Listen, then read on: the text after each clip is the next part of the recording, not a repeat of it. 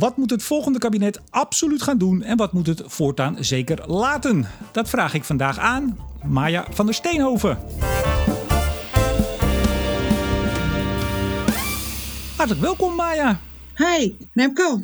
Ja, ja wij, wij kennen elkaar. Ik zeg het tegenwoordig altijd maar even, anders denken mensen... nou, dat is wel meteen weer veel je en jij. Uh, in deze nieuwe serie, uh, in de aanloop naar de verkiezingen van 17 maart... als dat nog 17 maart blijft, hè? Wat denk jij? Nou, ik mag het toch hopen.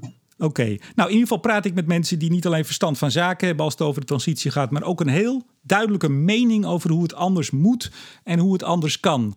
En volgens mij iedereen die een beetje de transitie heeft gevolgd, die kan daar niet om jou heen. Dat, uh, nou, gelukkig zijn er nog steeds heel veel mensen die mij niet kennen. Uh, directeur van het programmabureau Warmte en Koude Zuid-Holland. Uh, dat is toch eigenlijk waar veel mensen jou van kennen. We gaan het zo nog wel even hebben over wat je nu doet. Um, en initiator van de Van Gaslos campagne. Ja. Is dat een beetje gelukt? Dat zou je wel kunnen zeggen. ik ja. ben wel tevreden, laten we het zo zeggen. Oké, okay, nou we gaan er zo uitgebreid over spreken. Maar toch even, ik zei het net al, je zit nu niet meer bij het programmabureau, dacht ik. Hoewel op je, op je LinkedIn, waar ik nog even kijk vanochtend, lijkt het of je er heden nog zit. Oké, okay, dan moet ik dat even aanpassen. ja, ik kijk daar niet zo vaak op. Wat bestaat dat bureau nog? Nee, nee, uh, we zijn ook echt uh, opgeheven. Per wanneer? Uh, geloof uh, ergens uh, november vorig jaar is uiteindelijk. We, we, zouden al in maart stoppen, maar toen wilden we nog een bijeenkomst en die hebben we steeds vooruitgeschoven en uiteindelijk hebben we het per Zoom gedaan. Oké, okay, nou je bent niet de enige die het CV nog niet heeft bijgewerkt op LinkedIn, want ik kwam nog in ieder geval één iemand tegen die ook net leek er nog te werken. Dus ik begon te twijfelen. Ik dacht, oh jee, ze bestaan nog.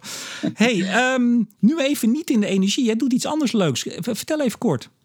Ja, ik uh, zit ook nog in de energie, want uh, uh, mijn allerleukste project ever, dat is dat ik op dit moment een buurtcoöperatie in Wageningen help met het zoeken van hun warmtepartner om van het aardgas af te gaan. En daarvoor hebben we een open, transparante, vergelijkende procedure, een beauty contest. En dat is zo ontzettend leuk. En die wijk weet zo goed waar ze, waar ze mee bezig zijn. En de bewoners hebben zoveel kennis en zijn zo goed aan het participeren dat ik, nou ja, ik kom, ik, ik, dat is echt de meest leuke klus die ik ever gedaan heb. Maar daarnaast heb ik inderdaad uh, ergens in april, uh, toen ik het zat was dat ik niet naar een feestje kon, een, uh, samen met de Universiteit van Amsterdam, met hun gedragsunit en met behulp van het ministerie van Economische Zaken, nog een heleboel hele slimme bedrijven, een Smart Distance Lab opgezet waarbij we kijken hoe je op de plekken die nog wel open zijn en waar heel veel mensen bij elkaar komen, uh, mensen kan helpen om afstand te houden, zodat we daar ook uh, de besmettingsgraad kunnen verlagen. Kijk. En daar leer ik heel veel af, leer ik heel veel van gedrag. En hoe je gedrag, waar mensen op aanslaan en waarop niet. En dat neem ik straks weer allemaal mee naar de energietransitie. Ja, want ja, weer mee, dus dan toch weer er helemaal in terug dan. Ja, ik vrees dat dat toch wel gaat gebeuren. Ja. Ik vrees. Oké, okay. hey, even het cv, even heel kort voor toch mensen die jou niet kennen. Uh, nou, best wel lang, hè? oktober 2013 volgens mij is het uh, programmabureau van start gegaan. Toen was jij meteen uh, de directeur. Daarvoor, mm -hmm. ik, ik, ik lepel gewoon je LinkedIn op. Directeur Energiek Leiden, twee jaar. Daarvoor de NMA, jaar of zes. Daarvoor EZ, toen nog EZ, ook een jaar of wow, zes, acht, zoiets. Toch? Ja, ja. ja dat is het. En, en daarvoor, althans dat staat op jouw LinkedIn, dus ik denk dat je dat uh, graag deelt. Ben jij een jaar lang een fotomodel geweest in Tokio? En ja. ik zei dat tegen mijn vrouw. Ik zeg, goh, kan je dat nou ter sprake brengen? Want straks zeg je, ja, ga je nou een vrouw op haar uiterlijk aanspreken? Ik dacht, nou, het, het kan wel toch, Maya, als je het er zelf ja. op zet.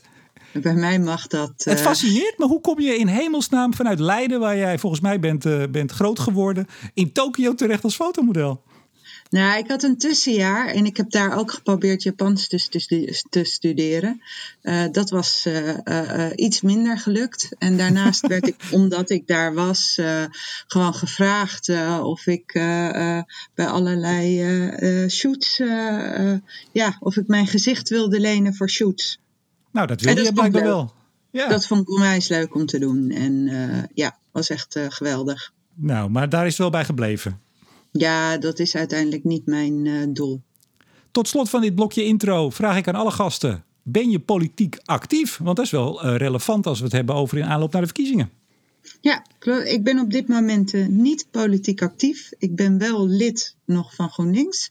En ik stond daar op de landelijke lijst, maar heb me kort voor de verkiezingen teruggetrokken. Ja, plaats 24 hè? Ja. Ja, nou, dus dat, dat avontuur is in ieder geval, ja, dat is niet doorgegaan. Nou, genoeg andere dingen gedaan. Ja, precies. Uh, ik heb er veel van geleerd. En het uh, heeft uh, nou ja, persoonlijk voor enorme groei gezorgd. Wat dat betreft is een beetje op je bek gaan. Af en toe heel goed om ook jezelf weer opnieuw aan te kijken. En even te herwaarderen waar je eigenlijk van bent. En wat je eigenlijk belangrijk vindt. Ja, je maakt de luisteraars nu wel nieuwsgierig. Ik denk dat ze maar even moeten gaan googlen als ze dat allemaal willen weten. Want wij gaan door naar de inhoud. yes wat het kabinet moet gaan doen en wat ze vooral moet gaan laten, het nieuwe kabinet. Uh, ja, dan hebben we het toch bij jou over uh, van gas los, de warmtetransitie. Dat is toch jouw, uh, ja, dat is toch waar je het meest bekend mee bent geworden en je jarenlang voor hebt ingezet. Laten we heel even teruggaan naar dat programmabureau Warmte Koude Zuid-Holland. Ik vind dat een vreselijk lange naam. Ehm, maar jullie hebben daar heel veel gedaan. Zet hem even neer. Wat, wat was dat voor programmabureau? Ja, het was een samenwerking, publiek-private samenwerking tussen eigenlijk heel veel soortige partijen, van overheden tot uh, banken, energiebedrijven, woningcorporaties. Heerlijk helder Heineken. Heineken deed op een gegeven moment zelfs mee. Dus het was en, en, en nee, heel veel kennisinstellingen van de universiteiten. Uh, dus dat was echt een, eh, een, een leuk zooitje, zeg maar. En uh, wij keken naar de. Ze hadden maar inge, ingehuurd om te, met de opdracht: ga eens even zorgen dat je al die verschillende kikkers in één kar gaat krijgen. En dat je warmte op de kaart gaat zetten. dat dat meer aandacht krijgt. Nou, ja, dat, dat was, was al Sorry, nee, we, hebben wat vertraging af en toe. Dat was een uitvloeisel, en dat wist ik ook niet, maar ik heb me uiteraard voorbereid, uit een Green Deal uit 2011. Ja, klopt. Ja, die, dat was een afspraak met de Binnenlandse Zaken en Economische Zaken, want Green Deals waren toen helemaal in. En uh, dus hadden ze hier ook een Green Deal uh, voor opgesteld. Uh, en het, nou ja, het samenbrengen van partijen en het warmte op de kaart krijgen, dat lukt dus vrij snel. En uh, op een gegeven moment zei ik uh, tegen mijn leden, want zo uh, noemde ik al, ze altijd, van jongens, moeten we niet wat ambitieuzer zijn? Zullen we niet eens een campagne voor Van Gas los gaan beginnen? Ja, en, nou, nou, ja, jullie zijn best wel ambitieus begonnen, want ik heb die Green Deal er nog even bij gepakt. nogmaals, 2011 was die en jullie begonnen in 2013. En jullie hadden als doel, officieel dan, hè, om in 2020, nou, dat is net geweest, dus ik kan je meteen vragen of het gelukt is. 350.000 woningen en 1000 hectare glastuinbouw verwarmen met duurzame warmte. Dat was het streven. Is dat gelukt? Geen flauw idee, eerlijk gezegd. Oei. Ik denk het niet. Ik denk het niet. De directeur weet dat niet. Kom op, Maya. Nee, nee. De, nee. Die doelstelling hebben we eigenlijk ook best wel. Want eh, in 2016 of 17 liep de Green Deal af. En toen zijn we gewoon doorgegaan. Met, uh, en ik heb ook altijd gezegd van ja, hoe kan ik nou uh, 300. Hoe kan ik nou in 2014 uh, uh, iets doen om in 2020 350.000 huizen van het op duurzame warmte te verwarmen. Je, je, moet bezig op een hele andere manier. Dus we zijn al heel snel anders gaan kijken naar die transitieopgave. En we hebben een hele andere samenwerking gekregen dan was bedacht op papier. Ja, weet, weet, je dat ik dat vaak hoor als ik uh, praat met uh, partijen die ook jaren geleden bepaalde doelen stelden, gemeentes bijvoorbeeld, hè? En, en vaak heel concreet en heel hard en heel scherp en duidelijk ook. Ja. Ik, ik, dan hoor ik vrijwel altijd van ja, dat hebben we toen wel gezegd, maar ja, hoe, hoe konden we dat eigenlijk doen? Was dat toen iets wat toen ook wel eens werd besproken onderling. Van jongens, ja, we schrijven het nou wel, we zeggen het wel, maar dat gaan we natuurlijk never nooit, nooit redden. Ja, ik denk dat we het over dit stukje in dit gesprek nog wel vaker uh, gaan hebben. Omdat je weet wat ik vind van dat soort doelstellingen. Uh, ik ben later aangetrokken, dus ik ben niet uh, betrokken geweest. dit is echt voor mijn tijd gebeurd. Maar een ander doel was, en dan stoppen we over het programmabureau hoor, maar ook dat er een warmterotonde in Zuid-Holland ja, zou gaan komen, zou moeten komen. Hoe is het daarmee gegaan? Nou, dat gaat goed, toch? Nou, dat moet jij, uh, jij weten. Jij was tot voor niet zo lang geleden directeur. Hoe, hoe staat het ermee? Nou, niet van de warmterotonde. Dat, uh, dat ligt nu bij de Gasunie, uh, die dat samen doet met onder andere de haven van Rotterdam en nog een aantal partijen. En met uh, Economische Zaken natuurlijk, het ministerie. Um, maar dat, bij mijn weten, zijn ze flink op de reef om nou ja, de stappen daarin te zetten die nodig zijn. Hm. Eh, eh, eh, ze zijn in onderhandeling met allerlei afnemers, in onderhandeling met degene die de warmte erop moeten gaan zetten. En ik hoor nou ja, goede en minder goede berichten. Zeg maar, sommige dingen gaan heel voorspoedig en lopen goed. En andere dingen lopen iets minder. Waarbij ik niet denk dat het dan mislukt, maar waarbij ze, dat betekent dat ze een andere aanpak zullen moeten gaan kiezen om dat wel voor elkaar te krijgen. Ja, maar de, de, de grote Zuid-Hollandse rotonde die is nog niet klaar. Nee, nee, nee. Hij is nog niet klaar, maar ik heb nog steeds 100% vertrouwen erin dat hij komt. Oké, nou ik zeg even voor de luisteraars, want jij hint er daar net al een klein beetje op. geef ik toch even mensen die ons misschien niet op Twitter volgen of anderszins even wat achtergrondinformatie. Wij hebben de laatste maanden wat vaker contact gehad, uh, buiten uitzendingen en zaken om. Ik ben met een boek bezig, dat weten denk ik veel luisteraars. En ik ben ook bezig met het reconstrueren van die hele van gas los uh, ja, campagne, tijd, hoe, hoe, dat ging en hoe dat gaat. En dan kwamen wij vaak uit, en ik had het er niet zo lang geleden ook met Suzanne van Zuilenkom over. Die was toen van het Hier Klimaatbureau hoe het hier Klimaatbureau samen met jullie, met uh, Warmte Koude Zuid-Holland, uh, op de Nationale Klimaattop een manifest hebben gepresenteerd. En dat is een beetje toch het, het vertrekpunt, zeker voor uh, mensen die niet zo in de in-crowd zaten zoals jij toen zat, voor eigenlijk het van gas los. Hè? Daar werd de stip aan de horizon gezet. Ja. Ja, dat is een van de belangrijke momenten geweest. In ieder geval ook communicatief want daarom deden we het ook. Uh, uh, het was het moment dat 100 gemeenten zeiden: wij gaan van het aardgas af. Ja, en dan is er uh, althans tussen ons, en nogmaals, ik zeg het maar even tegen de luisteraar, want dan, dan weet hij dat. Uh, dat was eigenlijk de stip op de horizon ambitie. En op een of andere wonderlijke manier is er, waar jullie hebben een manifest gepresenteerd. En dat was inderdaad de oproep: we gaan het doen, we moeten het doen hè, voor, voor Parijs, et cetera, klimaat. Maar uiteindelijk is daar een datum bij het ministerie voor doorgekomen dat het in 2035 uh, in die gemeentes en die twee provincies ja, geen aardgas meer in de gebouwde omgeving zou worden gebruikt. En, en dat is, uh, ja, daar zijn we nog steeds niet helemaal eh, over uit hoe dat nou exact is beland hè, in, dat, in de doorrekening door het ministerie. Nou ja, wij hebben er samen wel even naar gekeken. Ik heb ook in mijn uh, mails uh, uh, gekeken. En wat ik terugvond was een vrij onduidelijke, tweeregelige vraag van het ministerie. Die heb ik ook aan jou doorgestuurd. Waarin ons gevraagd werd om een datum. Zonder dat daar nou echt duidelijk was hoe die zou, nou ja, dat die, dat die datum tot dit zou leiden waar we het over hebben. En uh, dat ik zei, ja, het kan heel goed zijn dat wij uh, uh, op een gegeven moment, nou ja, weet ik veel, 2035 of zo. maar wat, ja, waar, waar, gaat het eigenlijk over? En dat die erin is gekomen.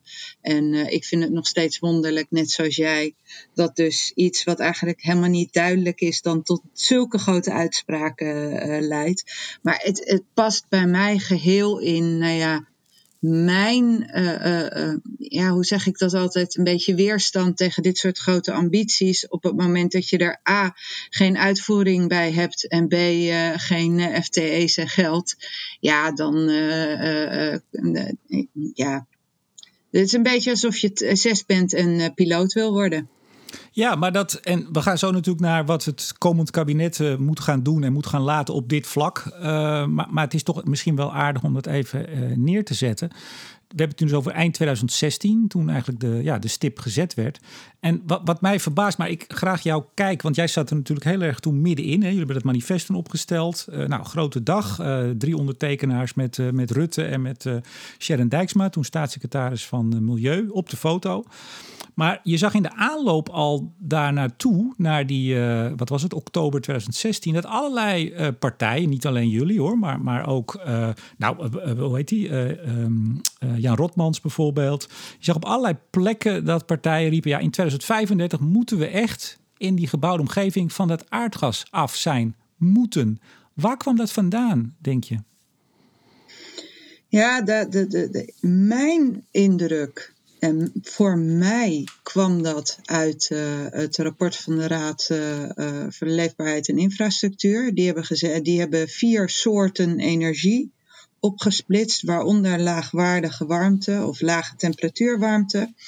En uh, daarbij de gebouwde omgeving aangewezen en gezegd, nou al die dingen zijn ingewikkeld, industrie is ingewikkeld, transport is ingewikkeld, elektriciteit is ingewikkeld, want bij alles wat je doet uh, sta je in verbinding met het buitenland. Maar het enige wat wij wel kunnen is uh, nou ja, de gebouwde omgeving. Want daar hebben we zelf uh, daar kunnen we zelf beginnen, dus dat kunnen we zelf doen. Dus dat kan eerder, dat kan al in 2035 af zijn.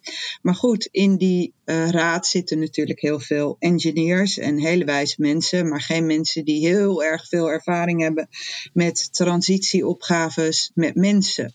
Dus technisch gezien was dat natuurlijk een uitstekend uitgangspunt. En volgens mij was het binnen een jaar dat in ieder geval de beleidsmedewerker van Rotterdam, die iets meer ervaring heeft met mensen en met uh, uh, verandertrajecten in grote steden, die aan de bel ging trekken en zei: Nou, ik weet het niet hoor, maar voor ons is 2035 in ieder geval totaal totale waanzin. En ik ga het ook nergens opschrijven.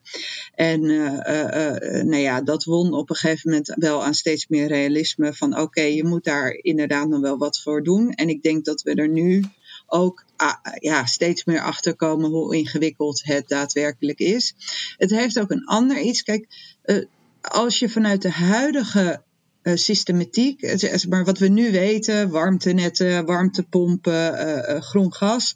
Als je daarmee gaat verduurzamen in een gebouwde omgeving, dan is 2050, mag je echt hopen dat je dat redt. En je hebt mensen die zijn heel erg, die geloven gewoon heel erg in dat er nog allerlei innovatieve oplossingen komen die ons van onze sokken gaan blazen, waardoor de hele wereld verandert. Ja, en dan kan je eerder. En uh, laten we zien wat het wordt. Maar ik denk niet dat je het heel hard kan opschrijven. Maar Rotterdam staat ook bij jou in het, uh, in het warmtebureau, of het programmabureau ja. Warmte.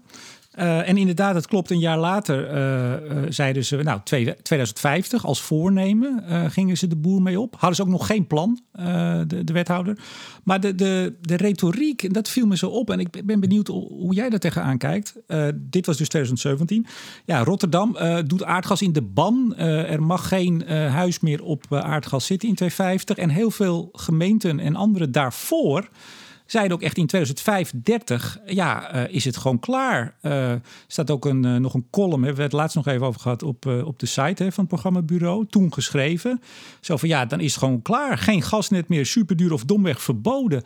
Hoe, hoe denk je dat dat, dat verbod, dat moeten, het moet snel, 2035 moet het klaar zijn, hoe dat heeft uitgewerkt uiteindelijk? Heeft het positief uitgewerkt op die hele transitie of misschien wel iets minder? Ja, de vraag is, waren we ergens anders geweest als we dat niet hadden gezegd? Zo moet je dat dan eigenlijk uh, uh, mm-hmm. vragen. En dat weet ik niet. Dat, uh, ja, dat zijn als-dan vragen. Ik, ik, had nooit verwacht dat we zouden staan waar we nu staan. Dus als je aan mij vraagt, zeg ik nou, nee.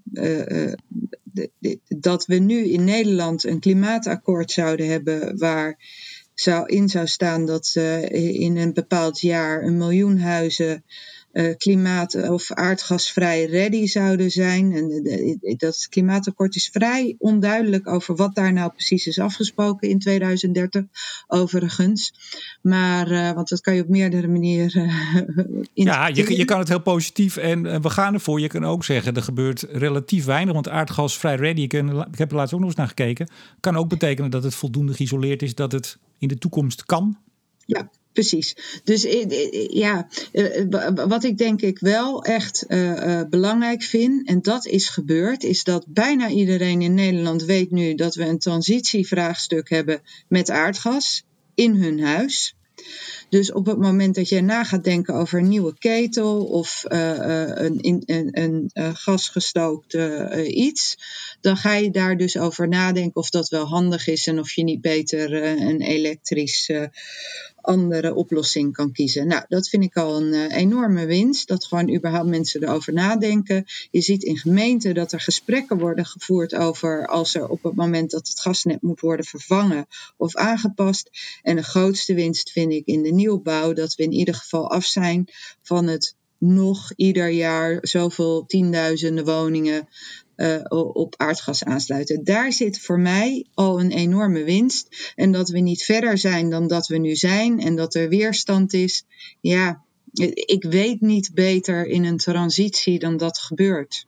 Maar er kan weerstand zijn en dan kan je nog steeds uh, vorderingen maken. Maar uh, nou ja, je weet, de Algemene Rekenkamer vorig jaar uh, ja, oordeelde vrij hard of misschien wel snoeihard over de, de proefwijken, noem ik ze maar even. en Maarten van Poelgeest, die nu toch de basis is over de uitvoering van het deel gebouwde omgeving van het klimaatakkoord. Die kwam in, het, nou, in augustus, geloof ik, met zijn reflectie vorig jaar op hoe het nou ging. Ja, ik, ik werd daar niet, ik, ik kon daar niet in zien dat het lekker ging. Jij wel? Ja, ik vind, ik, ik dit een lastige, want wat verwacht je dan, denk ik bijna? Uh, kijk, als je verwacht dat het allemaal heel makkelijk gaat en dat het zoals mensen aan het begin zeiden was gelopen, ja, dan ben je wel een beetje teleurgesteld. Ik zit nu zo'n twintig jaar in de transitie en ik weet niet beter. Nee, ik weet niet of je gisteren hebt gezien, maar ik heb me afgelopen dagen gebogen in wat er nu eigenlijk in die regionale energiestrategieën aan de hand is en wat daar gebeurt uh, met zon en wind. Volgens mij heb jij de, de servers van Twitter wat overbelast uh, gisteren en eergisteren. ja, in ieder geval mijn telefoon wel. Maar de, nou ja, als je kijkt naar de regionale energiestrategie, als je kijkt naar biomassa, als je kijkt naar bijna alles in Nederland waar we een energietransitie ingaan, dan blijkt dat ja, veel ingewikkelder en lastiger dan gedacht op het moment dat je daadwerkelijk bij de burger aankomt en uh, daar in gesprek gaat. En we zijn gewoon echt nog aan het leren hoe je met burgers communiceert en hoe je met burgers participeert uh, of participatietrajecten opstart en hoe je ze meeneemt. En daar heeft aardgasvrij mee te maken, daar heeft windmolen mee te maken alles wat we in die energietransitie doen, loopt daar nu tegenaan. En uh, dat wisten we toen en dat weten we nu. En uh, uh, we gaan daar gewoon mee door. En het is ongelooflijk ingewikkeld. Ja. En ik heb in ieder geval nooit de indruk gehad um, uh, dat dat niet zo zou zijn. Dus als mensen daar nu op terugkijken en zeggen: oeps, nou is het toch allemaal wel een stuk ingewikkelder, dan ben ik daar, dan ben ik daar meer verbaasd over dan dat ik verbaasd ben over dat het ingewikkeld is. Ja, het, het, het, gekke is dat uh, ik heb jou leren kennen volgens mij in 2016. Toen zag ik je geloof ik bij Energia op, op het podium. Uh, we hebben nog eens een podcastje gedaan voor Energia. En jij hebt in die zin altijd wel een... Um, aan de ene kant uh, heb ik ook wel uitspraken van je waarin je ook zegt... Hè, die 2035, ja, dan moeten we in die gebouwde omgeving eigenlijk wel klaar zijn. Dat was nog in 2016 daarvoor. Maar jij bent ook inderdaad altijd reëel geweest. dat je zei, ja, we hebben eigenlijk geen flauw benul wat die energietransitie inhoudt. Sterker nog, dat zei in 2016. Een jaar later vroeg ik weten we dat inmiddels nu wel hè, voor die podcast? Toen zei nee, we hebben nog steeds geen flauw benul. Het is nu 2021. Maar ja, hebben we inmiddels een benul wat de energietransitie inhoudt? Um, ik, ik, ik, kreeg deze opmerking uh, voor mijn voeten ge geworpen gisteren in een Twitter uh, dingen met verwijzing naar die podcast. Dat was wel grappig. En toen dacht ik, oh, maar dat heb ik eigenlijk, dat zou ik nu anders zeggen.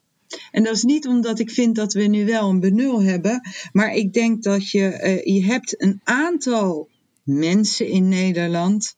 Uh, uh, dat zijn er best wel veel hoor, maar die houden zich hier dagelijks mee bezig.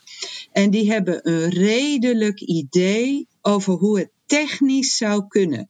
Dus vanuit een engineeringsperspectief, wat je nodig hebt aan, uh, uh, nou ja, hoe, hoe, die uitdaging om Nederland anders uh, en CO2-vrij van energie te voorzien. Dus dan heb je het nog niet over allerlei andere dingen, hoe dat technisch ongeveer zou kunnen. Dat je nieuwe infrastructuur nodig hebt. Maar, ik hoor een grote maar aankomen. Ja, maar of dat ook op de beide burgers bekend is en bij allerlei politici, raadsleden en mensen die zich bezighouden in die energietransitie, maar op een ander gebied. Dus of iemand die ontzettend veel weet van huizen isoleren, ook snapt hoe die systeemtransitie gaat lopen. Op, eh, en dat je ook nog een industrie hebt die van olie af moet. En dat je nog een transport hebt die op elektriciteit gaat. En hoe, ja, dat, dat we. De, dat is niet goed bekend. Dus daar zit nog heel veel. maar de vraag is ook. Ja, in hoeverre kan je van iedereen verwachten dat ze dit doorzien en snappen? Nou, ik denk dat niemand dat, dat vraagt. Maar laten we meteen maar, dit is denk ik een mooi bruggetje naar uh, het nieuwe kabinet. Uh, wanneer dat, uh, laten we toch hopen, dit jaar ergens gaat aantreden. Wij nemen dit op vrijdag op. En zojuist, ik geloof een, een half uurtje geleden, kwam het berichtje dat het kabinet gevallen is. Oh. oh, wist je nog niet? Nee. Oh, ik dacht dat je, oh, ik denk dat, je, dat jij ook altijd aan je telefoon zit uh, geplakt, zo ongeveer. Maar, uh... Nee, ik was me op jou aan het voorbereiden. Ik was nog even wat dingen aan het lezen. Kijk eens aan. Nou, kabinet is gevallen, nieuw kabinet. Uh, en laten we hopen dat dat er maar snel gaat komen. wat moet het kabinet absoluut wel gaan doen als het gaat over die warmtetransitie? Nee, ik wil hem even breder, de energietransitie. Nog breder? Als je het niet erg vindt. Want ik heb daar nu. Ik we hebben nu natuurlijk gezien met corona. Daar staan Rutte en Hugo de Jong staan. Uh, nou ja, zo. Eén keer in de drie weken, soms wekelijks, met een persconferentie. Er heeft een flink aantal uh, uh, mensen die er naar kijken. Of in ieder geval hoor je van anderen uh, wat daar gezegd is en wat daar besloten is. Ook al kijk je nooit televisie, je blijft wel op de hoogte. En uh, daarin vertellen zij over de staat van uh, corona en over wat we nodig hebben aan maatregelen om dat nou ja, in te dammen. En ik heb gekscherend gisteren tegen iemand gezegd, dat moeten we ook hebben voor de energietransitie. Als dit straks over is, dan moet de nieuwe premier, begrijp ik, en de minister voor Energie en Klimaat, die moeten samen, nou, hoeft niet, misschien niet wekelijks, maar in ieder geval maandelijks, een uh, uh, verhaal vertellen. En dat hoeft misschien niet met een uh, energie, met een persconferentie, maar zorg dat die energietransitie, wat daarvoor nodig is en hoe die in elkaar zit, in hele makkelijke taal te begrijpen is voor mensen. Want er zijn dat mensen snappen wat we aan het doen zijn met elkaar. En dat zeg ik omdat we in die in die transitie, die is nu bij gemeentes neergelegd. Van nou, ga het allemaal maar doen. Ga maar met een regionale energiestrategie aan de slag. Ga maar kijken waar je windmolens neerzet. Ga je maar kijken waar je zonnepanelen gaat neerleggen. En ga daarover met mensen in gesprek. Dus op zich is dat waanzinnig goed bedacht. Alleen, er zijn twee dingen die daar misgaan. Eén, de communicatie is veel te ingewikkeld. Dus er zitten wel zes doelen in. Mensen wordt helemaal niet duidelijk op uh, hoe ze in dat proces meedoen, wat er daarna nog komt, wat er voor zit, waarom we het eigenlijk gaan doen en uh, uh, welke keuzes ze erin hebben. Maar, maar, maar ja, sorry, ik ga even onderbreken. Mag dat? Ja. Dan, dan pellen we hem even af. Want uh, volgens mij zei je net ook van ja, er zijn wel een paar mensen in Nederland die wel ongeveer uh, snappen wat er technisch nodig is. Maar het is nog veel meer dan dat. Hè? Het, het is heel erg ingewikkeld. Dat is eigenlijk ja. wat je zegt. Um, Denk je dan dat uh, de premier en, en de, de, de, nieuwe Wiebes, of misschien gaat Wiebes wel door, je weet het niet, uh, mm -hmm. dat die dat even makkelijk in uh, hele simpele woorden aan het volk, aan de natie kunnen uitleggen? Of hebben we daar misschien een Tweede Kamer voor en allerlei experts die daar samen gewoon goed beleid voor moeten maken? Nee, ik denk dat het wel kan. En of dat nou, zeg maar, zo met een wiebus en de dingen. Maar je hebt iemand nodig die gewoon straks met regelmaat op een bepaald platform aan mensen uitlegt waar we mee bezig staan, zijn en waar we staan. En dat kan wel degelijk in heldere taal. Ja, die hebben we al en die heet Ed Nijpels. Ja, maar nou ja, die, die doet dat niet. En de vraag is ook of hij daar de juiste persoon voor is. Maar wie moet dat dan doen? Ja, ja de, zou... de premier en. Daar kunnen we nog een keer over hebben wie daar dan wel uh, geschikt voor is. Uh, we zaten al een beetje aan iemand als Samson te denken. Of die dat nou uh, zou kunnen. Maar eigenlijk wil je het liefst nog een wat jonger iemand. maar diegene moet wel verstand van hebben. En diegene moet het gewoon heel snel kunnen zeggen. Want zo ingewikkeld zijn die resten niet. Hè? Nou, nee, maar, maar ja, wacht even. Ja. Want dit, uh, ik ben altijd uh, buitengewoon fan van mensen die met heldere, uh, gedurfde oplossingen komen. Laat dat gezegd zijn. Ja. Maar ik, ik vind het een klein beetje naïef uh, klinken. Alsof er iemand, een persoon, en of dat nou Samsung is of iemand anders, het maakt niet zoveel uit. Dat als die nou voor de troepen gaat staan en dat die dat op een platform één keer in de maand uh, in heldere bewoordingen uitlegt, dat dat dan de transitie gaat versnellen of in ieder geval soepeler gaat laten verlopen. Want precies wat jij ook in je, um, je tweetjes over de res en laat mensen het even nazoeken op Twitter uh, bij Maya van der Steenhoven over de res in, uh, in Noord-Holland, Amsterdam. Hè. Het gaat even over de windmolens ja. Amsterdam onder andere. Um, ja, laat ik zo zeggen, denk je echt dat het zo makkelijk is dat als er een goede iemand staat, dat het dan uh, voor elkaar komt? Nee, makkelijk wordt het nooit. Ik denk niet dat je hem in termen van makkelijk of dan komt het voor elkaar überhaupt wat, in energietransitie kan spreken. Dus laten we dat idee. Ja, maar wat moet die persoon dan, dan zeggen? Want we zien in nee, Nederland. Remco, je, je stelt me een terechte vraag en die wil ik even uitleggen, want dat probeer ja, ik niet. Okay. Wat nu gebeurt, is dat we hebben een landelijke ambitie. En die is keigroot. Dat betekent eigenlijk dat heel Nederland vol komt te staan met windmolens, zonnepanelen. Dat uh, de zee vol komt te staan met windmolens. Dat er eigenlijk nog biomassa bij moet. Eigenlijk hebben we ook uh, uh, kernenergie nodig, maar dat willen we niet. We hebben eigenlijk we hebben alles nodig. En we hebben eigenlijk een veertiende provincie nodig waar we het allemaal inzetten. Niemand wil die energie in de buurt hebben. En we moeten ook nog 25% besparen. Dat zit allemaal in die doelstelling voor 2050. Nu hebben ze gezegd, landelijk, nou ja, we, zijn al twintig jaar aan het aanmodderen. Er staat nog steeds bijna niks. Uh, sommige mensen vinden het al heel veel, maar het is nog steeds bijna niks. En het wordt moeilijker en moeilijker en moeilijker. En nu is er bedacht, oké, dan geven we het aan regio's. En dan mogen zij met die mensen in gesprek over waar ze dan dat zouden willen, want dan ontstaat er meer draagvlak.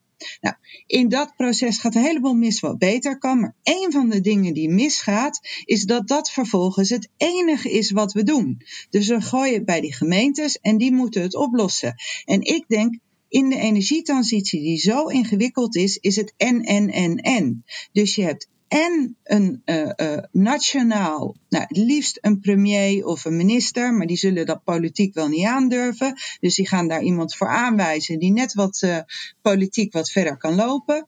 Maar die gewoon één keer in zoveel tijd zegt: die energietransitie is hartstikke lastig. Wij denken over hoe we die 95% energieverbruik gaan invullen in heel Nederland van centraal. Maar 5% daarvan zullen jullie als regio's moeten invullen, want we kunnen het niet allemaal in Brabant neerzetten zetten. Want dan worden de Brabanders boos. Dus iedereen moet zijn deel doen. En dan, en gemeenten gaan binnenkort met jullie in gesprek over waar je ze dan het liefst wel en waar je ze dan het liefst niet wil hebben. En we snappen dat jullie eigenlijk het liefst zouden zeggen: we willen ze helemaal niet, maar daar laten we jullie niet mee wegkomen. Als jullie niet met de gemeente mee gaan denken, dit is jullie kans, dan gaan we ze gewoon aanwijzen en dan komen ze daar waar je ze het liefst niet wil hebben. Maar ja. Want dat is feitelijk ja, maar... wel wat we aan het doen zijn, maar we benoemen het niet. En hoe ingewikkelder je bent als overheid met je communicatie, dat betekent meestal dat je eigenlijk niet echt wil zeggen wat je, wat je eigenlijk bedoelt. En ieder, elke Nederlander inmiddels weet dat. Ja. Dus hoe wolliger de communicatie, hoe meer zij denken: hm, hier gebeurt iets waar ik helemaal geen zin in heb. Maar dus ja, begin nou eens met ik normaal communiceren. Ja, nou over normaal communiceren gesproken. Zullen we een gesprek hebben? Want ik ken jou. Nee, maar jij kan gewoon het uur vol lullen. Uh, mo. Nee, maar daarom onderbrak ik je net ook even. Want ik ken je.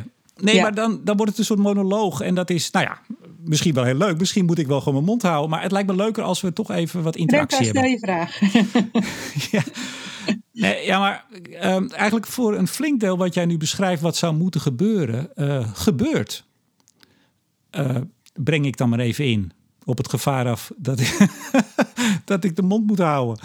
Nee, maar eh, jij zegt ja, dan wordt het even bij die gemeentes eh, op het bordje gegooid. Maar die gemeentes wilden het dolgraag. En die provincies, die zeiden: geef ons nou maar gewoon eh, een deel. Wij weten precies waar het wel en beter niet kan. Wij gaan zoekgebieden selecteren. Dan gaan we met onze burgers gaan we in gesprek. Dan gaan we een heel circus voor optuigen. En dan komt het goed. Dat is wat ze zelf zeiden. En Den Haag heeft toen gezegd: Nou, oké, prima. Als u zegt dat u het beter kan, zit nog wel wat in ook. Want wij vanuit Den Haag hebben minder zicht op Tietjerksteradeel, waar nou wel en niet een windpark moet. Prima. Nou, gebeurt dat? Met steun van de hele Tweede Kamer. En al die partijen die eh, eh, vinden dat we heel erg hard aan de transitie moeten werken. En ik zeg het even, niet, niet jij hoor, maar nu is het weer niet goed. Nu loopt iedereen tegen de resten te hoop. Waarvan je van tevoren kon zien dat dat ging gebeuren. Want heel veel mensen willen het gewoon niet. Maar ja.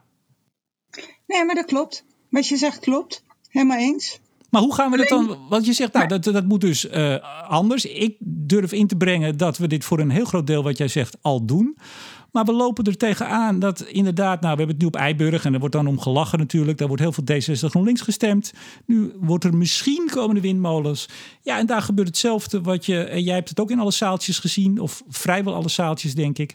Ja, als het dichtbij komt, dan zeggen mensen, ja, ja waarom nou hier? Het is daar toch veel beter. Zet maar daar. Ja, maar, maar, dan stopt het een beetje, hè, Remco. Uh, uh, als je de, wat jouw analyse is juist, maar dan moeten we er nu mee ophouden. Of gewoon accepteren dat uh, we de doelstelling totaal niet gaan halen.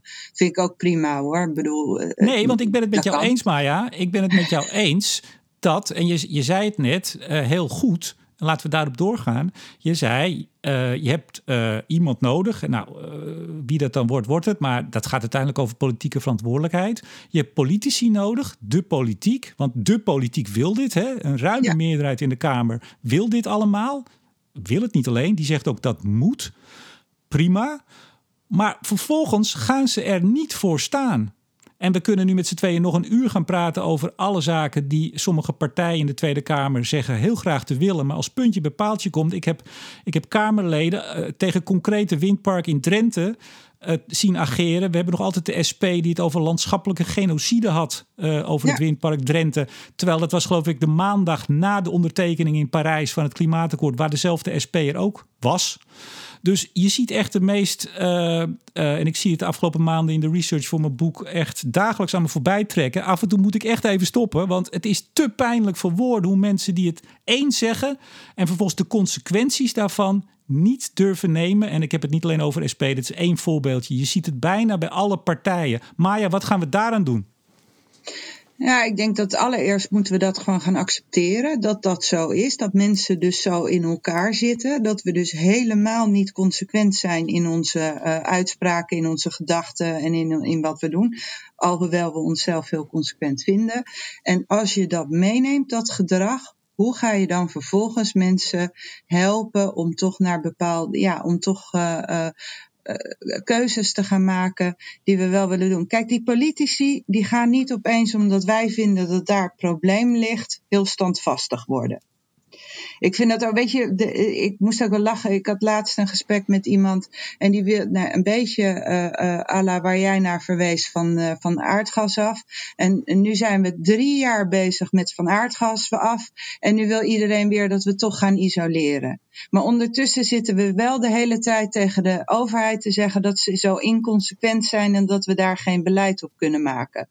Maar we zijn zelf niet bereid in, in ons lobbygedrag die, die, te zorgen dat zij ook consequent kunnen zijn. Dus ik uh, bedoel, we zijn gewoon allemaal hele inconsequente wezens. En uh, politici gaan niet anders zijn. Die gaan niet opeens wel. Ik, ik, ben het helemaal met jou eens. Ik, ik vind politiek steeds lelijker worden dan dat ik het ooit vond. Ik vraag me af waarom ik er ooit uh, uh, zeg maar Kamerlid wilde worden, nu ik uh, nog meer leer over hoe het werkt. Maar Maya, sorry, ik onderbreek je ja. even als je, als je het goed vindt. Jij zei ja. net, ja, we moeten het accepteren. Is zit daar niet nog een stapje voor? Moeten we het niet eerst veel duidelijker en ruimer en breder benoemen, dit gedrag? Ja, nou ja, misschien, misschien namelijk dat Kamerleden dan wel uh, wat anders gaan handelen. Al, want ze komen er nu, en ik, het, het klinkt een beetje flauw en een beetje bot misschien, maar ze komen er ook mee weg. Ik zie soms Kamerleden uh, een, een, een draai maken dat je denkt, hoe bestaat dit? Maar ja, zolang niemand, ja, misschien jij of ik of nog een paar mensen op Twitter eh, een tweetje maken, maar dat, dat doet niks. Ze komen ermee weg en ze gaan vrolijk voort op het nieuwe pad, wat haak staat op het pad wat ze een jaar eerder verkondigden. Moeten we dat niet gewoon benoemen? Zou dat helpen? Ja, natuurlijk moeten we dat benoemen. Overigens vind ik dan niet dat alleen politici dat doen. Ik ken ook een heel aantal wetenschappers die daar echt een ontzettend goed handje van hebben om, eh, en die ook zeer publiekelijk uh, dat steeds doen. Uh, Heb je daar voorbeelden zijn- van of, of wil je die liever niet noemen? Nee, ik ga geen namen noemen. Maar ik vond het eh, in Eiburg bijvoorbeeld ook wel eh, interessant om te zien. Want daar heeft iedereen GroenLinks gestemd of D66. In het eh, verkiezingsprogramma stond dat er 17 windmolens zouden komen in Amsterdam. Nou, als je nadenkt, kun je die. Ja, Amsterdam is niet zo groot. En 17 windmolens is best veel. Dus dan zal er wel één of twee in Eiburg komen. En die mensen die worden nu, krijgen ze te zien wat daar dus nou ja, dat dat dus kan betekenen dat er één of twee of misschien wel meer in Eiberg komen. Het is nog niet besloten dat het zo is, maar het is überhaupt de mogelijkheid wordt besproken en hoe dan. En mensen ook wel enigszins op het verkeerde been gezet door een aantal partijen die echt mis, misinformatie aan het verspreiden zijn. Dat is vrij kwalijk, want ja, daar kan je als overheid nooit wat tegen doen. Maar het interessante bij die inspreken was dat mensen zeiden ik weet dat ik voor was. Ik weet dat ik voor duurzame energie was, dat ik voor GroenLinks was. Maar nu ik zie dat het bij mij voor het huis komt, ben ik toch tegen en noem me maar een NIMBY. Dat vond ik dus interessant om te zien. Mensen interesseert het dus uiteindelijk ook niet dat ze van gedachten veranderen. Want ja, nieuwe ideeën. Uh, uh, uh, ja, we hadden ons niet zo gerealiseerd dat het zo was. Maar ja, jij zegt interessant, maar ik vind vooral interessant dat dat woord weer blijkbaar uh, gebruikt mag worden. Want de afgelopen jaar, als je dan nog wel eens NIMBY zei, was een soort scheldwoord en het was een frame en dat mocht je niet gebruiken, want het waren oprechte zorgen, had niets met NIMBY te maken. Maar dat NIMBY is nooit weg geweest. Je ziet het op alle terreinen, in alle plaatsen en of het nou steden zijn, onder alle partijen en kiezers. Mensen willen het gewoon niet. Hartstikke leuk, zet het ergens anders neer. Weg ermee. En sterker nog, het werd een geuzennaam tijdens die, uh, uh, die bijeenkomst. Ja. Dus de eerste zes zeiden het nog een beetje haperend. Nummer 100 zei: Ik ben NIMBY. En uh, vervolgens kwam er iets nieuws. En dat was not in anyone's backyard. Dus die mensen begrepen wel dat NIMBY. ja, dat is dan een beetje lastig. Want dan zet je het namelijk bij iemand in Brabant. Dus die mensen begonnen opeens. En dit zijn mensen die voor Parijs zijn. Die voor. Die waarschijnlijk GroenLinks landelijk hebben gestemd. Of Partij van de Dieren. Die heel boos zijn op Rutte en op CDA. Dat ze niet hard genoeg gaan met de verduurzaming. En die nu zeiden, er mag geen windmolen in niemand zijn achtertuin. En toen dacht het interessante is wel hieraan dat je dus de notie hebt dat energie ooit niet in iemands achtertuin staat. Dus dat er mensen zijn die denken dat kolen ja, magisch verschijnt. Of dat olie magisch verschijnt. Of aardgas. Dat dat dus niet uit een gebied in Rusland komt, waar nou ja, redelijke destructie van uh, uh, uh, mooie oeroude natuurgebieden om dat aardgas daar te winnen en te transporteren. Dus er is een notie dat een soort van als ik het niet zie, dan verschijnt het magisch. Maar als het bij mij in de buurt komt, dan is het opeens in een achtertuin. Maar, maar wat zegt dat over. Ja, want je zegt ja, dat zijn mensen die allemaal uh, het Parijsakkoord uh, onderschrijven. En die sterker nog aandringen dat, dat partijen als VVD, CDA harder moeten gaan. Wat zegt dat dan over. Wat zegt het over dat? Vinden ze dat dan ook echt? Vinden ze echt dat het klimaat heel belangrijk is? Of vinden ze dat misschien uiteindelijk toch wel niet? Ik denk dat wij het heel makkelijk vinden om inconsequent te zijn in onze in onze gedachten. Dat dat dus helemaal niet iets is wat we ernstig vinden. Want dat zijn we ook de hele dag door. In, in van alles zijn we heel erg inconsequent. Ik denk ook dat we zelfs in alles met corona, zodat we tegen iemand zeggen: Nou, ga jij naar een feestje, oeh, oeh. Maar vervolgens wel zelf zonder een mondkapje gaan, gaan uh, boodschappen doen. Want als het op onszelf betrekking heeft, geven we onszelf namelijk veel meer ruimte om fouten te maken, om dingen anders te zien. En dat is iets wat heel belangrijk is om je te beseffen in die transitie. En daarom is het zo belangrijk dat we uh, uh, veel duidelijker van bovenaf gaan communiceren. Van jongens, we weten dat jullie dit allemaal niet willen, maar het moet. Want jullie, ja, het hoort hierbij. Dus je zal een keuze moeten maken. En dan mag die gemeente daarmee aan de slag en het gaan doen. Maar, maar, ja, ik, ik, denk dat als je dit zou zeggen, uh, land, uit landelijke politiek of wie er dan ook maar voor gaat staan. Ja, we weten dat jullie het niet willen, maar het moet. Dat gaat niet gebeuren. Wat dat betreft is Nederland toch wel degelijk een democratie. Het wordt wel eens betwijfeld. Maar als uh, heel veel mensen uh, en de meerderheid, en of het nou lokaal is of waar dan ook, als die vindt dat, dat, dat, als die dat niet wil, dan gebeurt dat niet. Ik zat nog niet zo lang geleden op Radio 1 met Maarten van Poelgeest, nogmaals uitvoerder van de gebouwde omgeving klimaatakkoordafspraken, en Daniel Koerhuis, VVD-Kamerlid die zich uh, zwaar verzet, hij en daarmee de VVD, tegen alle dwang en drang bij het van gas afgaan. En in Utrecht uh, lukt het nog steeds maar niet om uh, straks de woningcorporatie en de gemeente het wetsmiddel te geven om ervoor te zorgen dat mensen niet meer op gas kunnen koken. Dat gaat alleen maar om kookgas. En de grootste partij op dit moment in Nederland. En ik denk als je het CDA vraagt, zullen ze dat uiteindelijk ook wel steunen. Want ja, die zitten vaak toch een klein beetje aan dezelfde kant. Die gaan er gewoon voor liggen. Die zeggen, ja, hartstikke leuk. Allemaal prima. Wij zijn ook voor Parijs. Maar we gaan het niet opleggen. En het mag ook nog eens niks kosten. Het moet woonlastenneutraal. En uh, uh, verder prima. Dat is toch wat we nu zien, Maya?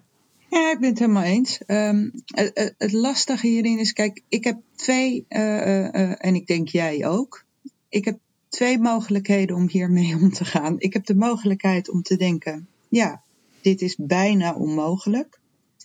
Um, dus, nou ja, laat maar. Dan, uh, uh, ik begin een bedrijf in uh, plastic bootjes en in allerlei leuke dingen die te maken hebben met klimaatadaptatie. Adaptatie.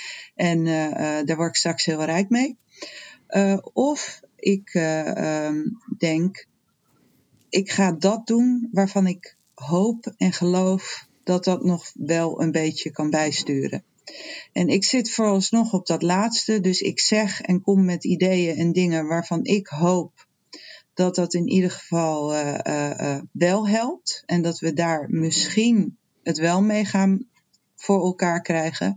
Maar ik ben met jou eens dat het, nou ja, waar we nu staan, zie ik niet dat wij Parijs gaan halen. Of dat wij in 2050 met 95% CO2-vermindering uh, komen. Ik ben optimistischer. Wat? Ik ben optimistischer. Oké, okay, nou. Zal ik het uitleggen? denk jij dan dat dat lukt? ja, dit is een beetje een, gewoon een gesprek geworden in plaats van een interview. Dat is ook wel leuk. Um, nou, weet je, kijk wat ik denk. En, en daarom is het niet voor niks dat eh, wij nu uh, elkaar spreken in deze serie. Uh, want toch dat van gas af. je weet, ik heb er wel eens een stukje over geschreven in, in de krant. En toen reageerde jij erop. Ik zei van ja, de woningbouw. Hè, ik heb niet de hele gebouwde omgeving. Maar woningbouw is 8% van het totaal van onze uitstoot. Dat is, dat is relatief weinig, zeg ik. En er zijn er meteen mensen die zeggen ja, maar alles is relatief weinig. En alle beetjes, ja, dat weet ik. Maar 8% is relatief weinig. Uh, vooral als je het afzet tegen de impact van dat je uiteindelijk achter iedere voordeur letterlijk uh, met je barcootje aan de slag moet. Om daar een andere ketel op te hangen of een warmtepomp of uh, pijpjes warm water naar binnen moet brengen. Dus de impact van, van gas afgaan ten opzichte van wat je ermee bespaart als er morgen geen enkel gas meer in de gebouwde omgeving of in de woningbouw pardon, zou zijn. Ja, dat is een enorm verschil. En wat mij ver, nou, verbaasd heeft en waar ik ook toen al uh, in de jaren 2016, 17, 18 me af en toe echt de haar over uit het hoofd trok, was de enorme dwang en drang waarmee van gas af werd gepositioneerd. Zoals ook uh, windmolenparken en zonneparken. Er zijn fases geweest en ik weet niet of jij dat ook zo zag, omdat jij natuurlijk echt in die inner, inner circle zat en ook op ministerie kwam en zo. Hè. Dus misschien had je een ander beeld, weet ik niet.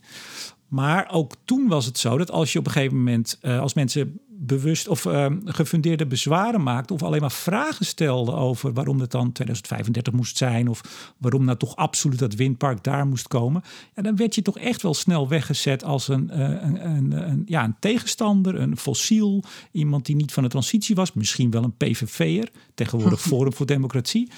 Dus die die, nou, die polarisatie die je daar toch wel in, die ik daar in ieder geval in, in zag en nog wel zie, die heeft zoveel kwaad bloed gezet. Terwijl als we hadden gezegd, mensen, in de nieuwbouw is gas eigenlijk niet meer nodig. Dat is ook zo. Nou, met een beetje strubbeling van sommige gemeentes die een beetje tegenstribbelen, gaat dat gewoon goed. Uh, over, nu al is het, het, voor het grootste deel niet meer op aardgas. Het is gewoon wat nieuws en mensen omarmen het ook. Eh, en de volgende generatie weet niet eens meer wat aardgas is. Wat? Had je gas in je huis? Dat moest je aansteken en dan, dan, hield je je warm bij. Echt waar? Weet je, dus dat, dat, dat, gaat gewoon weg. Alleen door die bestaande bouw in 20 jaar, nogmaals, Rotman zei, topprioriteit moet gebeuren. Nou, ik heb een heel, uh, mijn boek over een jaartje. En uh, die dwang en drang heeft kwaad bloed gezet. En als we nou meer zouden gaan voor het natuurlijk uitfaseren. En dat is eigenlijk wat nu Van Poelgeest en ook minister Ollongren zegt. En ook nog een, uh, hoe heet die commissie? Die studiegroep interbestuurlijke financiële verhoudingen. Ter haar, voorzitter. Hè? Ga nou laagdrempeliger. Ga ook voor isoleren. Ga ook voor kleinere stappen. Maak het ook inderdaad in die zin niet een, een moeten, maar ook een soort gemak. Ik denk dat we dan een heel eind komen. En als we het nou over opwek, ja, dan inderdaad kernenergie. Nou, uh, wordt ook een hoofdstuk. En wat voor een hoofdstuk in het boek. Ja, daar zie je ook dat eigenlijk tot nu toe uh, voor sommige partijen dat volstrekt onbespreekbaar is.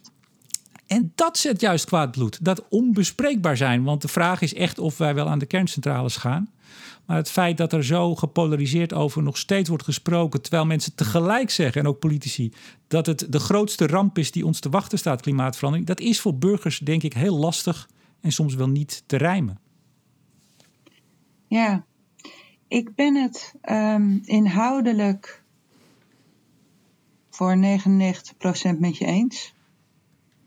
Um, ik denk dat um, ik, ik, ik, ik vind dat zelf een van de lastige dingen in de energietransitie. Zoals je weet ben ik meer van, van onderop, zeg maar. Ik, ik, ik, ik probeer meer uh, te werken met mensen wiens hart en hoofd al gegrepen is door uh, die verduurzaming. En die dus gewoon bezig zijn. Is ook echt veel leuker om te doen. En uh, daar gebeurt gewoon heel veel. En ik vind het juist eerder echt vrij vreselijk dat die mensen die ja, de parels van onze energietransitie vaak nog worden tegengewerkt door hun overheden ook. Maar dat is even voor een andere podcast een keer. Maar ik, ik ben het met je, maar wat ik vaak zie is, je hebt in Nederland zeg maar een soort van twee velden. Je hebt het ene veld dat zegt uh, we moeten van bovenaf, we moeten mensen dwingen, het moet in 2030 klaar zijn, we hebben geen tijd. En die als ik begin over lokaal eigenaarschap van je warmtetransitie ook echt van uh, nou GroenLinks ideaaltjes, onzin. Het moet gewoon industrieel uitgerold worden. En nou ja, als een soort. Dus daar zit een soort tegenstrijd in, die ik zelf niet zo goed begrijp. Waarvan ik vaak denk: kun je niet kijken hoe je dat wat je groots van boven kan doen, kunt uh, uh, samen kunt doen met al die mensen die wel willen en zelf aan de slag gaan. Dat is dus het ene. Waarom moet het te, elkaar tegenstaan? Maar dat betekent dat je inderdaad die hele heftige dwang op die data, dat je die misschien moet loslaten. Nou, dan heb je hier in Nederland nog wel een gesprek ik, ik ga hem inmiddels niet meer aan. Want je krijgt zoveel negatieve feedback daarop. Dus ik, ik ben het met jou eens daarop, Remco. Het is niet een prettig gesprek. Ook voor mij, die zeg maar heel erg duurzaam al heel lang bezig is, merk ik vaak dat ik nog er, als ik zeg maar jongens, rustig even. Ja, het kan niet en onzin en het moet nu. Dat ik al denk van poe poe. dus ik, ik deel dat. Het andere is even over die 8% van die gebouwen, uh, van die huizen. Kijk, die huizen zijn wel 8%, maar we hebben iets meer dan huizen staan. We hebben ook kantoren en we hebben ook kassen en we hebben gewoon een, een infrastructuur van aardgas op wijken. En dat is 18%. En dan wordt het best wel veel. En, ga je nou, en je kunt niet alleen maar uh, het een in een wijk van het aardgas afhalen en het ander niet. Uh, dat kan wel als je besluit dat die later komt of et cetera. Maar we hebben in Nederland ook gewoon een hele hoop restwarmte die we willen gebruiken. Ja. En dan moet je nu over infrastructuur gaan denken. Hetzelfde als je straks dingen elektrisch wil doen. Dan moet je, dus dan moet je over infrastructuur gaan denken. En die infrastructurele transitie, die moet je organiseren. En daar moet je vandaag mee beginnen. Hoeft niet in 2030 af te zijn. Je mag je tijd nemen. En uiteindelijk als puntje bij paaltje komt, zie je nu dat we dat ook gewoon doen. Want daar hadden we, de, zijn we eigenlijk terug bij af, over die 350.000 huizen en die, of gebouwen en die uh, zoveel uh, uh, kasgebied. Duizend hectare. Duizend hectare kasgebied. Nou, dat zal misschien nog wel eens gehaald kunnen zijn, want die tuinders die zijn echt waanzinnig. ik ben gek op tuinders, want daar gebeurt wat. Maar um, ja, die 350.000 huizen, gebouwen, dat is waarschijnlijk niet gehaald. Maar die, um, maar die, dat nadenken over die infrastructuur en dat uitproberen hoe je vanuit mensen zelf die transitie gaat maken. En wat ik nu in Wageningen doe met die woning en met die buurt, waarin mensen zelf bezig zijn om hun eigen warmtepartner te kiezen. En straks aan zichzelf warmte willen gaan leveren. En zelf dus ook kiezen voor welke temperatuur, wat ze aan isoleren gaan doen. En de enorme enthousiasme wat daar vanaf komt, ja, ik geloof daar wel in. Daarvoor hoef je die warmtetransitie niet stil te zetten. Maar ja, ik ben het met jou eens. De, de, de heigerigheid die sommigen hebben, terwijl je weet, en dat is ook een beetje, en daar volgens mij eh, kunnen wij elkaar daar wel op vinden. Sorry dat ik weer lang praat, Remco, maar je zet me aan het denken en dan vind ik het zo leuk om aan te geven wat ik denk. Ik denk dat wij ons samen aan iets storen. En dat is namelijk dat je aan de ene kant mensen hebt die roepen: het moet allemaal nu, het moet allemaal morgen. Maar dat wij allemaal weten dat op het moment dat het in die wijk komt, waar het moet gebeuren en die mensen zeggen nee, dat diezelfde mensen die roepen het moet allemaal nu, het moet allemaal morgen, dan zeggen ja, nee, dit is inderdaad ook wel heel vervelend voor die mensen. Ja, en daar zie je ook het verschil, denk ik, want uh, jij als directeur toen van, van het uh, programmabureau Warmte uh, Koude Zuid-Holland Jij hebt toen ook, uh, zeg maar, voor, dat, uh, klimaat, uh, voor die klimaatconferentie, hoe heet die ook alweer? Nou, die in 2016, heb je ook een paar keer gezegd, nou, 235 moet het wel zo'n beetje klaar zijn dat snap ik ook nog heel goed. Want eh, Jan van der Meer, voor de kenners, uh, oud-wethouder, geloof ik nu weer, nu gedeputeerde, daartussen ook weer wethouder en warmteregisseur uh, in Amsterdam of de metropool. Die zeiden toen ook in de aanloop naar 2016, die zei, ja, weet je, als je niet de stip zet ergens, dan gebeurt er niks. Je moet ergens een, een doel zetten. Vanuit die gedachte snap ik dat heel goed. Dat heb jij ook altijd gedaan. Jij, hebt nooit, jij bent daar nooit echt in gaan doordrammen. Maar precies wat jij zegt heel veel mensen of, of instanties of gemeenten of wie dan ook, die zijn wel op zeg maar achter jou en jullie aan. Jullie die wel begrepen, ja, je moet een stip zetten, maar je moet daar niet meteen heel dogmatisch aan gaan vasthouden en met uh, de Bijbel gaan dreigen uh, als het niet gebeurt, hè, dwang en drang. Maar ja, die, die hebben het overgepakt, zou ik maar zeggen. Denk ik. Ja, zo gaat dat. Dus ja, jouw geluid is in die zin, want ik heb jou toen heel vaak, en het is niet om te slijmen, maar ik heb jou toen heel vaak op podia gezien. En dat is dus 2016, 2017, et cetera. Jij hebt altijd hiervoor gewaarschuwd. Dus jij bent niet uh, stoïcijns, maar met je het moet 235, et cetera. Aan het begin natuurlijk stip zetten, snap ik. Hebben jullie ook gedaan. Iemand moet beginnen, iemand moet wat roepen.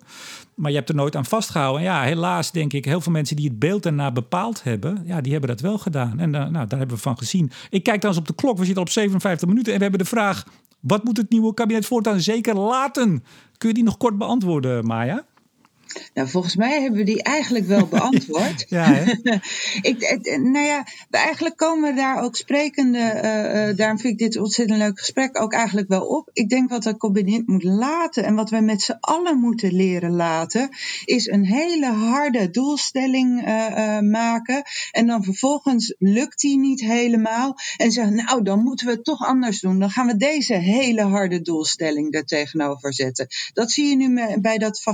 Dus dan nou, die, die, die, die 2030 zoveel miljoen uh, huishoudens of een miljoen, dat lukt niet. Nou, dan gaan we er een, een, een, dan gaan we dat loslaten, maar dan gaan we een doelstelling voor combi-ketels of voor isolatie uh, kiezen. Waarbij we dus precies hetzelfde weer doen wat niet lukt en waarvan we weten dat het hartstikke lastig is. Waarom zeggen we niet steeds: oké, dit gaat lastig, dit gaat moeilijk. Hoe kunnen we van de lessen, de lessen die we leren het traject aanpassen zodat het voor mensen beter te doen is? Uh, we leren dat we waarschijnlijk in 2030 niet een miljoen huizen van het aardgas hebben afgehaald. Dat is prima, want we hebben inmiddels ook geleerd dat we combi-ketels of andere soorten ketels eraan kunnen toevoegen. Dat we groen gas kunnen gaan toevoegen. Dat we nog meer op isolatie kunnen letten. Dus we gaan kijken hoe we dat met elkaar gaan uh, extra gaan zetten. Maar dan laat je dus iets niet los en dan zeg je niet, oh jongens, dat was allemaal fout en niet goed. Maar je gaat gewoon slimmer door. Want de boodschap die ook naar mensen toe gaat steeds van, nou we hadden een doelstelling, nou die laten we nu los, want die was onzin, maar we gaan jullie nu met een andere bizarre doelstelling om de oren slaan. Wat doet dat met mensen? Nou, dan denk ik, nou, die lukt wel hoor.